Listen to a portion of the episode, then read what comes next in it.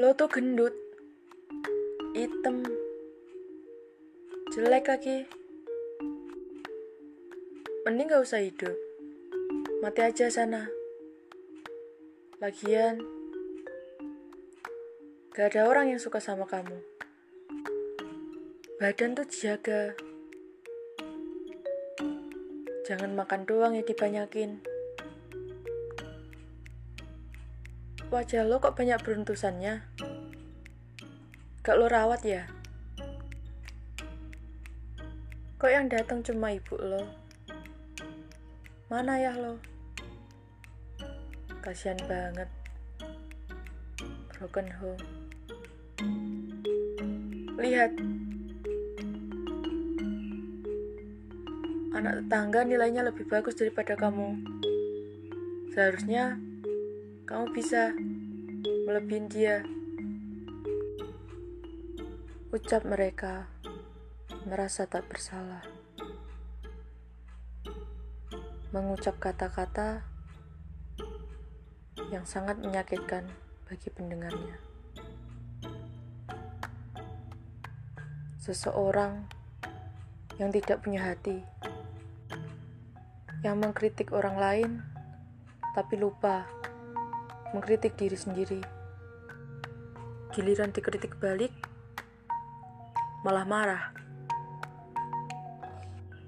Bertameng dengan kata, cuman bercanda kok, baperan banget sih.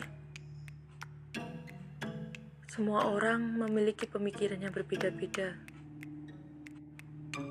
Ada orang yang kamu katain kayak gitu, dibiarin aja ada juga yang dimasukin ke hati. Mereka yang mati-matian bertahan, mencoba untuk percaya diri. Seenak kamu, kamu putusin semangat mereka. Kamu patahin semangat mereka dengan kata-kata jahat kamu itu. Saat ini, mungkin kamu gak ngerasain apa yang mereka rasain. Jadi, seenak ngomong kamu tanpa memikirkan mereka. Mereka yang kamu katain cuman ketawa, bukan berarti mereka nerima. Padahal di dalam hatinya mereka pengen marah sama kamu. Tapi karena status teman, jadinya mereka cuman ketawa. Mendem semua emosinya. Jadi mereka sendiri yang jadi berpikir keras.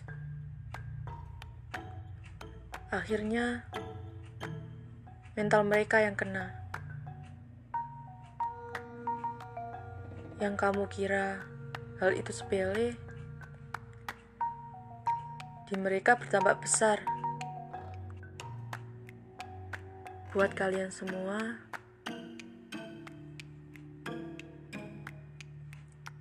semangat ya. Makasih udah bertahan untuk diri sendiri untuk menyapai semua impian yang kalian inginkan. Semoga Tuhan memberi ketabahan yang lebih untuk kalian, untuk agar tetap hidup dan menjalani kehidupan dengan baik tanpa membalas mereka yang menjatuhkan kalian. Buktikan bahwa kalian bisa menjadi lebih baik. Terima kasih untuk semuanya.